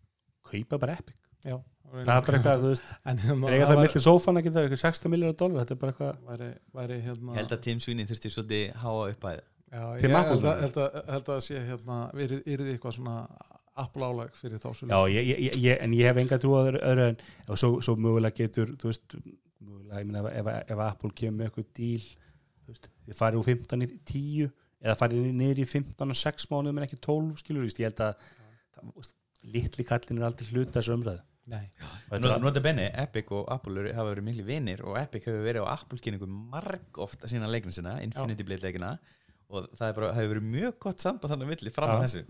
alveg öruglega ekki næst. Apple á oft Við lendur eftir væntanlega eiga vinni sem, að- eitthvað. sem að þeir fara svo í telis og Google náttúrulega með hérna voru með fóstjóra Google í, í, í hérna stjórninu sinni En ef að, ef að Epic vinnur þennan slag og það er farin í 12% þá bara segi ég bara býðið bara Microsoft og, og Sony því að þið eru næst. Já, Þa, það mun aldrei gerst, ég, ég legg undir að það mun, mun aldrei koma það drastísku er til Excel-skjál með öllum veðmálunum sem gullir það er Dr. Helga held, held utan um tímbili en ég hef enga trúið því. Ég, ég, ég, við erum að fá eitthvað svona mildan eitthvað svona milda slap on the wrist dóm í þessu máli. Og ég hef enga trúið að einhver dóm, dómari sé fara að dæma einhverja drastíska það fer eftir í hvað þetta fer fyrir Já, þú veist, Nei, ég er bara þenn þessi ákjara, ég er ekki að tala um Európa sko. já, já. Já, hvað er fylki og svo leiðis ég stýra er bara að því meina, náttúrulega, skilur. já, bæði náttúrulega fylki í bandaríkjörnum og svo líka hvort þetta sé í bandaríkjörnum eða í Evrópu, sko. Já, það, það er almennt ekki dómar þannig að þeir hafi drastísk áhrif bara á heila sko, heilan geira skilur að þeir eru að stokka upp Það fer eftir í er. Meina, Microsoft hefur nú fengið nokkur sinnum slapp fyrir... Já, en það voru einhverjir nokkri milljar einhverja sekt fyrir að böndla og fengur voru ekki að greiða lunga að lunga ha- hættir en sko. hafa líka þurft að breyta, sko, veist, það er kannski það sem er Breyta stærra, nálguninni. sko, ekki bara borga kannski 100 miljardar eða 5 eða 2 eða eitthvað, heldur, sko, þú veist, muni eftir hérna um langt árabil þegar maður installaði Windows og, og svo kom upp gluggi, spurði þau bara viltu já, hérna, viltu nota? Internet Explorer eða viltu, veist, Opera eða veist, Nei, ég meina, eh, Microsoft þurfti að breyta því hvernig vinna, vinna og það kannski, væri kannski líka bara kostur að þessar App Stores myndi af því, af breyta því að þá myndi þú veist, það komið sér vel fyrir litlu aðeins sem að allir var að minnast á áðan sko. Já. þú veist, Epic kannski bara heldur áfram að græða og allt ég, ég, held en, að þeir þú veist, tapi alltaf veist. ég, ég held að vörn Apple muni vera að þessi nálgun er betur fyrir neytendur og þessi nálgun er betur fyrir litluðan og ég held að það getur raukst þetta ákveðla saman og samanlega Já, ég er framald, ég hef maður nýja síminn hans Elmar sem komin í hús. Já, ég fekk hann í amaliskjöf Ah. Hann hann var kynntur á amalinu mínu. Pixel 4a En kynntur. þetta er downgrade fyrir þig ekki? Já, ég er náttúrulega ekki búin að kaupa hann að síma. En hann, Nei. hann er á innkaupa kemst ekki í fyrir, fyrir, til móðurlandsins? Nei, ég kaupa hann bara á Amazon.com En hérna, Pixel 4a sem er, er, er budget sími e, svona leysir þá þrjú af hólmi sem er svona Já. budget pixelin Ódýrir kostur. Hann er 50 dólarum mótari heldur en, heldur en þrjúa símin og Betri. 50 mótur heldur en iPhone SE Já, sem er sko, svona já, já, en sko ef þú myndir taka like for like sko, þá er vantalega er hann 100 dólarum mótari því að það er hann að þetta. einstær Já, þú tekur bara budget versus budget, bara ódýrastu línuna, ég skil komina samt, sko. Og lítur bara nokkuð vel út. já, já, og hann er Engin svona unapologetically plastic en Já, já. og eitt litur í staðan fyrir þrýr eitt litur og bara, já, Snapdragon 730G, það er svona, við ekki alveg hvernig, já ég menna það en hafa að tala um að hann sé svona ekki, veist, þetta er ekki snapp í sín, þú veist ekki bara eitthvað blazing, en hann er alveg nóg. Nei, nei, en, þeir, en, en Google þá náttúrulega uppfæri í staðin vinsluminnið þannig að fyrir 6 í staðin fyrir 4 eins og hefur verið Og það er myndaðal, það er góðu pixel myndaðal. en bara eina lísu Já, tvær. já, tvellinsur og, og hérna og OLED skjá og eitthvað svona fínir sko, Já. þannig veist, Það er mjög góð dóma, allir bara mjög ánægð með þetta. Já, þarna, þarna fær Google að á, á hérna Þú ert með eitthvað Pixel 3, fjórir, XL er mjög, já, þú komið alltaf að köpa þetta þá. nei, nei, nei ég, ég kaupi bara 5 þegar hann verið kynntur nú Já. í lókseft sko. Já, ég hérna, hann, hann fekk nú ekki, ég sá lág út myndir, eitthvað Google deildi myndum á hann. uh, já, Lág út Google de, de, deildi út einhverju mynd af, af, af hliðin á mögulega þessum síma það var ekki mikil svona það er óvanalega lítið af leikum sko, frá þessum framleyslum Já, sko. Google náttúrulega bara, sko, var ekki Pixel 4 sem hafa komið bara, sko, var komið review á netið Eh, áður hann e- e- kynntur. eitthvað, thailandst review sko. Já, það ekki það var, já, það var- það var þrjú sko, sem, Já, sem að já. data af einhverjum Það vörubílsmættum var- sko. það var eitthvað mjög Já. sérstætt sko. Að þeir eru búin að loka einhverju leikum ég dætti einhvern reddit það sem hefur voru með einhverju pix, einhverju pixel reddit uh, subreddinu sko, og það voru pixel mjög svona unimpressed með fimmuna, svona það sem hafa búið að lega út. Já, já, já, hann alltaf fær ekki þessa 865 hérna, Snapdragon örgjör á, hann verður á 765G þú veist, sem er svona næsta fyrir neðan. Þannig að þú veist, þetta er ekki flagskip, flagskip sko, þetta er svona upper, upper mid-range lower, affordable flagskip eins og, eins og mm -hmm. Íslandsvinnun kallar það sko. þetta er ekki símið sem þú setur hliðin á uh, S20 eða, eða, eða Note 20 og segir þetta eru símar á pari. Nei, ekki. Eh, ekki allavega svona ef þú skoðar bara spekka sko að þá en hann það ekki eða eða svona, Já.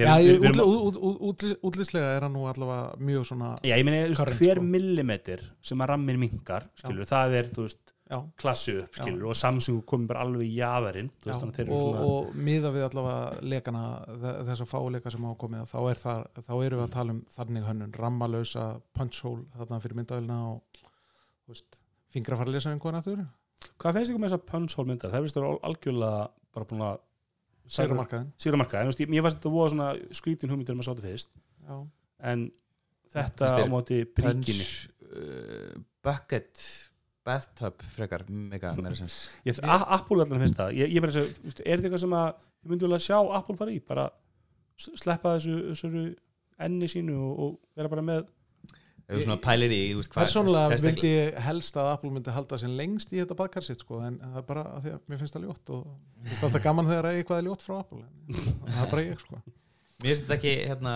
eins ljótt og, og bakarið og hérna samt, já, betra nafnheldur en Notch. Já, mér finnst bara not, not svo ljótt að segja en Já. E, sko þessar punchhole sem eru með til, til, sem eru til hliðana sem eru annarkvæmt vinstar meina hægur megin já, mér finnst það er mega óða lítið sens e, að hornið þannig verður ekki megin bara svona þetta er og að setja súlu alveg í horn í húsi bara, mm, okkur gerur þetta að mér finnst OnePlus verið að gera þetta réttar sko meðan bara Já, á miðinni á sko. miðinni. Já. þannig að mér finnst þetta Samsung leiðin ekki heilla mig og svo gleymið svona Apple með meira heldur en bara myndavel í, í baðkaranu sínu sko. Þeir eru með margar mynda alls konar draslana sko, sem að. Þú veist, viltu hafa fimm gött í skjánum, við veitum hvort það sé eitthvað sem að fólk er að sjá með En ég það meina, þá, þá má bara líka vera enni. Veist, eh, þessi hög þarna upp þau ger ekkert sko, fyrir mig, nema bara sína mér eitthvað status sko, já, en svona það er svo Xiaomi, þeir eru að kynna er að tala um að næsta ætlar að kynna síma sem er með myndaðil undir skjánum. Í gegnum óletið, sko, það var náttúrulega gert þau, þau gerðu það náttúrulega hjá Xiaomi í fyrra held ég og kom, kom svo mig Mhm. að, Mhm. og ég meina, þú veist einhvern tíman verður það orðið nógu gott að þú getur skotið bara flotta mynd í gegnum OLED skjáin, sko, af því að hann náttúrulega býður upp á að LCD skjár býður ekki upp á þetta að, að, skjóta í gegn, sko. Mhm. en hérna þú veist, á einhverju tífampunkti þá verður þetta hægt en kannski ekki alveg komið strax í dag. En fyrir uh, fyrsta Pixel aðdóndur Íslands, er hann komin í sölu hérna? Pixel 4 ég hef ekki séð. Hann er í sölu á Amazon það, það náttúrulega eru bara örfáir markaðir sko. en hérna, Já. ég meina ég, bara einhvern tíman kemst ég til Þýskalands og þá bara kaupi ég hann þar það Við tókum mjög langa umræð á slakkum daginn hvort að, Apple væri, nei, hvort að Google væri all in í síma framherslu og, og Þú veist að gera þetta með hangandi hendi Já, eða af, og- af og einhverju alvöru þetta er fjórði kynsluða Pixel sem að er já, F, já, svo, þetta er fjóruðarkynnslóð og, Og- fimt, eða þetta er sjötta útgáfan sko. já og, og hann er ekki ennþá fáanlega í Íslandi Nei, Hva, hvaða, hvaða iPhone var, varð fáanlegur á Íslandi formið? iPhone 5S Fimm- hvaða kynnslóð var það? það var eitthvað, sjötta, Sjötta? næsta, Ok. okay. næsta ok, kemur þá, þá bara Fimmann þú kemur inga þá, þá, þá bara Þú eru ert að gleyma Nexus lítni já, það er allt annað sko. það Það var, er alltaf- ég væri myndið að sjá hann að síma hérna þú veist á 59.9 í Elko það væri bara, þú getur Já. Sko mæla. iPhone SE er 85.000 þannig að við erum aldrei að tala um Já, það verð ég myndi alltaf mæla með þessu umfyrum, umfyrum FNS ég held samt að Myndur þú gera það í alvörunni?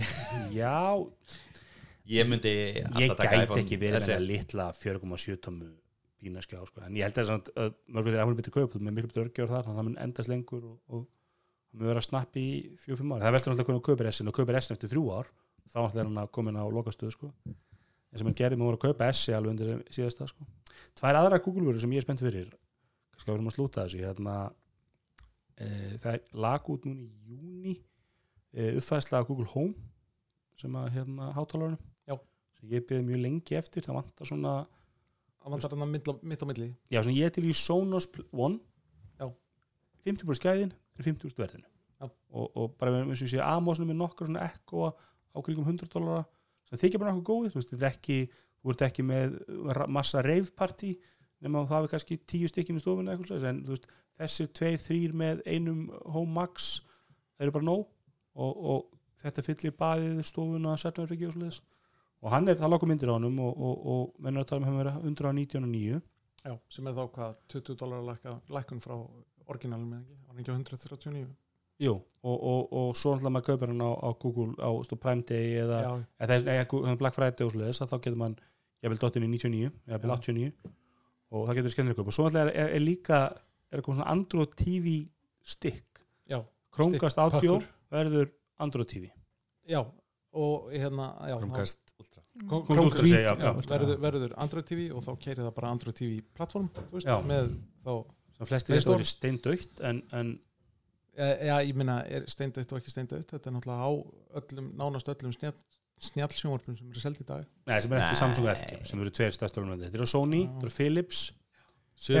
Philips. Android TV Já, Ég á annað 2015 Sony Android TV og ég þarf reglulega að fara í aukaýpunum mína og nullstilla það. Ja, þetta er það sem ég er alltaf að segja með snjallsjónvarp. Það á bara ekki að kaupa snjallsjónvarp. Það á Sammála bara að því, kaupa ég- skjá og, og stinga gáum í samband við það sko. Ég mér- veist, ég, ég kaup mér sjónvarp fyrir tíu ár þú veist, og gáðuna vil ég bara kaupa á tveggjárafresti Mhm. Ég Ég kefti með snjallsjónvarp í vor og ég get ekki beð eftir að geta hægt að nota snjall viðmótið þegar ég fæ með nýtt Apple TV sem er 4K en ég tími ekki að kaupa það fyrir en Apple kemur með nýtt Apple TV og þá get ég loka bara ég er búin að býða árið eitthvað og hérna þá get ég sleppt ég að nota allt sem tengist við ég nenn ekki að nota eitthvað viðmót ég get aldrei uppfært hardware eru ónýtti ónótt eftir 2-3 ár. Ég reyndar hef eh, sko óvinnu mikið, ég er myndið sömu vandræðum að þú, ég er ekki, með, eh, ekki 4K eh, Apple TV, ég reyndar er með Fire TV stick sko, sem er 4K en ég hef samt verið að nota svolítið hérna, öppin bara í LG þau eru fín sko. þau eru bara fín. En eftir fjögur ár skilur verða það vantilega hæg og leðileg sko. Þið eru náttúrulega báða með ný, ný og ég, ég nenni bara ekki ég nenni ekki vera að horfa á sagt, ég er að horfa kannski á plexið. Ég, no, ég er alveg að nota mitt sjóðan fyrir í plexinu til að fá 4K og, og ég hef notað í Netflix til að fá 4K Þú veist, ef ég, ef ég er að horfa á skilur einhverja stöðtöð appi Stöð 2 appi eitthvað svoleiðis. einmitt. en það sem ég þólum ekki getur að hoppa millir ekki að tækja. Ég vil bara hafa eina festringu sem getur slögt úr þetta sjónvapinu hækkað og lækkað og öll öppin eru einu stað það fæ ég Apple. Já, ég er sammálaðir og, og kona mín er ennþá meira sammálaðir því að hún er sko er reið við mig þegar hún ætlar að lækka eða setja pásu eða eitthvað. Og ég segi nei, það er hinn fjärstyringin það er líka LG festring er held ég ljótasta festring sem gerð hefur verið sko. Já, mjög sennilega. Ég var, var með að sko, skoða þessi Samsung En sem er- var komið og þessi Samsung er komið sko ógeðslega flottir eitthvað svona ál fjastringar þetta lítur eitthvað svona Sony fjastring frá 1995 eitt sem að mér langa að minnast á áður við hættum Nei, má ég skjóta einu inn í fyrst? Af því að það tengist, en, að því að það tengist já, hérna, það Android er að beinu framaldi Já. að þá náttúrulega er hérna góðvinnur okkar, hann hötti mikill áhuga maður en það að, að losna við myndlikla og það er hægt að glæði hann með þeim fréttum að núna er ofinberlega til sjónvarp símans app í Android TV App Store. Fyrir Ú, Android TV þannig að, þannig að það er hægt að installa bara og hvernig fáið iPad? iOS? Þegar að Apple hættir að rauka 30% skatt en Google er eitthvað Ha, já, nei, ég, sko ég átta mikið á því, það, það er náttúrulega það, vídeolegan er ekki inn í, inn í nei, nei, þetta er bara premium þetta er bara og- og- og- live og og upptöku fótboltinn Já. sko. Það er já, ég, það þess bara á, á, á, á, ég er mjög spenntur að fá með svona Android TV-stek inn í setnherbyggið þar sem ég auka sjónvar Já. til að fá mitt íslenska efni stick já, Xiaomi stick eða, það er reyndar- hvað er svo Andri? Æ, ég bara, mér fannst við eiginlega ekki geta hægt nema aðeins að koma inn á hérna samherja YouTube myndbandi já, vinsalasta sem að vinsast að vídeo Íslandsögunar Ó, Þetta er svo geggja vídeo, ég er búin að horfa örgulega bara svona pff, 85 úr það Æ, þú við veist, erum allir tím samir hérna inni. Já, ég meina sko samherji sendir hérna út fréttatilkynningu í, í fyrirdag og segir að og bendir á að það var 85.000 manns hort á myndbandi á fyrstu fjórum sólurhingum sem er rétt. Sem er, já, já, eflaust rétt sko og, ja, play á YouTube segir 80 eitthvað og þetta er að þetta er að slefa í 100.000 áhorf. Í þessum töluðu 99.718 nánatildegi. Þannig að þú veist, við erum að verða komin í sko líklega yfir 40% af Íslendingum yfir 18 ára. Og þetta er náttúrulega bara eitthvað viðtölu og eitthvað á íslensku þannig að ég, ég, Ég- ég, ég hef ekki séð vídeo og ég fekk það í YouTube auðlýsingu um mér og fór beint á YouTube og að bara, færð þú auðlýsingar á YouTube? Já ég er ekki með svona premium. Já, ég er tími ekki að borga heldur. Og ég hefði mest á, þeir, eru hvað sinna ég, ég, reyndi, að selja YouTube. ég reyndi að selja fjölskylduna að við skiptir YouTube Music ég var ekki, fekk ekki mikið hljómgeng en fundi, Er ég búin að prófa það? En það ég reportaði þess að ég segi Mér ég það sjá þessu auðlýsingu aftur ég Algoritminn- sá þetta aldrei. Að en var sérst var það þannig katalóg.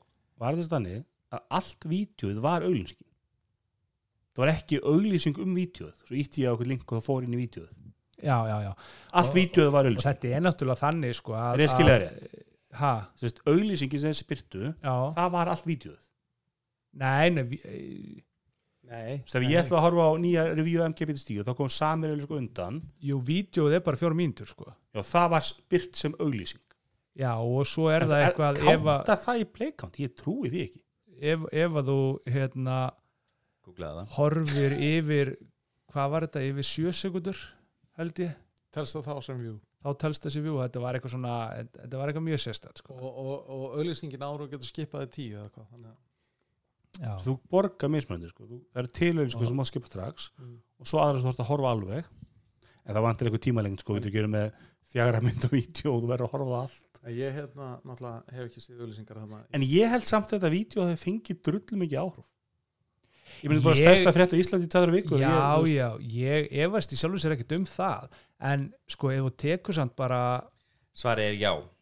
til samanbörðar hvað? Ad show counts as a view fyrir sum vídeo. Já, þú- þannig að- það er kannski útskýringin komin á þessu viewkanti, þessu stórkostlega viewkanti Já, það er það sem ég er að segja sko, ef að, ef að auglýsingin gengur lengur en einhverjar x sekundur þá telst það sem view. Mm -hmm. en allir skipar alltaf þess að því það lágst, það er enginn að býða í fjóra myndur ef ég fáir allan þú veist og ég held með þess að lítil, lítil, lítil börn kunni alveg að skipa auðlýsingum á YouTube sko. Já, já, Bönni mín kunnað ekki Það er en- en, en- en hins vegar ef þú, ef þú ert með þetta bara rétt fyrir fram að þig og, og þú veist, ert bara með einhvern playlista svo klárast eitthvað, kemur auglýsing. Þú veist, þú kannski skipar endanum en, en kannski ekki nú fljótt. Það sem ég bara velta fyrir mér, sko, mér finnst jújú, jú, ég efast ekki um að hafi mikið af fólki horta á þetta og fundist þetta áhugavert. Ég meina eða bara horfðu á þetta og hötu þetta eða horfðu samt á þetta. Já, svona En sko- hate watching stóri þáttur þeirra þarna, skýslan sem var aldrei gerð er með 27.000 views. Það er miklu það er miklu meiri þáttur fekk miklu er- meiri er þetta bara þetta eina síðasta vídeo? Þetta er hérna um óheiðaleg vinnubröð ríkisútasins já ég skildi Six þetta væri öll, öll vídeo þetta er fjögra mínutna myndband þar sem að Þorsteinn Már er bara eitthvað að tala um er ó- óheiðaleg, ég er ekki eins og búin að horfa á þetta Ég- almennilega, sko. þetta er svo sturt eina sem að ég er bara að velta fyrir mér hvort þetta gangi upp, þetta er, töl, þetta er íslenska þannig að Mhm. þetta nær ekki út fyrir íslenska marka. Við erum bara komið með alveg lígilega kannski til Namibíu en mögulega þegar, þegar auðlýsingin telur sem view count að þá, þá, þá er þetta byrt nánast öllum íslendingum sem að ekki borga fyrir premium. Já, greinilega, og ég meina ég, þá er auðvelt að komast upp í 100.000 view. Ekki, ekki ef að flesti skipa sko. Ef, að- ef, ef, að- ef þau get ekki skipað ef- fyrir að það komi view count ef þú held að það sé þannig þú nei, það er ekki þannig. Það, þess að þú verður að hafa að ég veit ekki hvað er náttúrulega margar sekundur en þú verður að að þú verður að koma yfir ykkur tröskvöld en, en margir náttúrulega kannski ráð þegar það sé tíu sem svo bara heldur hann heldur þorst alltaf áfram að tala og þá loksir skipar það Einmitt, skilur af því að- og, og þú veist, allar þetta helviti aldrei að hætta mögulega er það þannig sko. Já, já, en svo, svo má ekki glemma því að, að þú veist, það er ekkert mál og ekki gegn skilmálum YouTube að kaupa views Nei. þú getur borgað, það kostar 30, 50, 50 dollara Já, að fá það 10.000 hlýtur nú ekki- views. það lítur að gegn skilmálum ekki, ekki sko YouTube er ekki að selja það YouTube hefur oft krakka down Já, já. sko. Þetta er vantilega þessi fake Instagram hérna, þú mátt ekki nota botta Ég er segja, skilur það, Just, það ég er einhver jú- grásvæði. Ok, skiptir einhver máli þeir sé- selja ekki sjálfur sko. ok, látu það líka milli hluta hvort það sé löglegt, ólulegt eða á gráðsvæði eða siðlust eða eitthvað. En hægt. þeir eru líklega til að borga öllum fyrir þetta sem hendar þetta er hægt og þetta er tiltölulega einfalt og þetta er ódýrt. Ég væri, það væri bara gaman að gera tilraun. Setja bara, bara tæknuvarpi býr bara til, fjórum mínúna myndband bara um eitthvað drast og borgum bara 50 skall og sjáum hvort við náum 60 views eða Þrír, fimm úr skall Sko að maður ætlar að kreista 5.000 skaldi gjaldgerð teknaröfsins, það hefur verið bara að kosta blóðsut og tá svo er reyndar annað Ætlar hann að eða hana 50 svo, skalli svo, er, í YouTube svo er reyndar annað sem við getum gert. Við getum bara farið á, á fréttastúfana og sendt bara hérna, talsmanni eða upplýsingafulltrúa samherja. Send bara post og bara óska eftir að fá að sjá insights. Mhm. Þú En, veist, en er þetta finnst bara- views bara innanlands eða sýnir insights að þetta sé að koma allstaðar áður heim það verður mjög gaman að sjá það. En, en stóri punktur sem það sá það að 90.000 manns hafi hort á þetta segir ekkert um það hvaða afstöður tóku.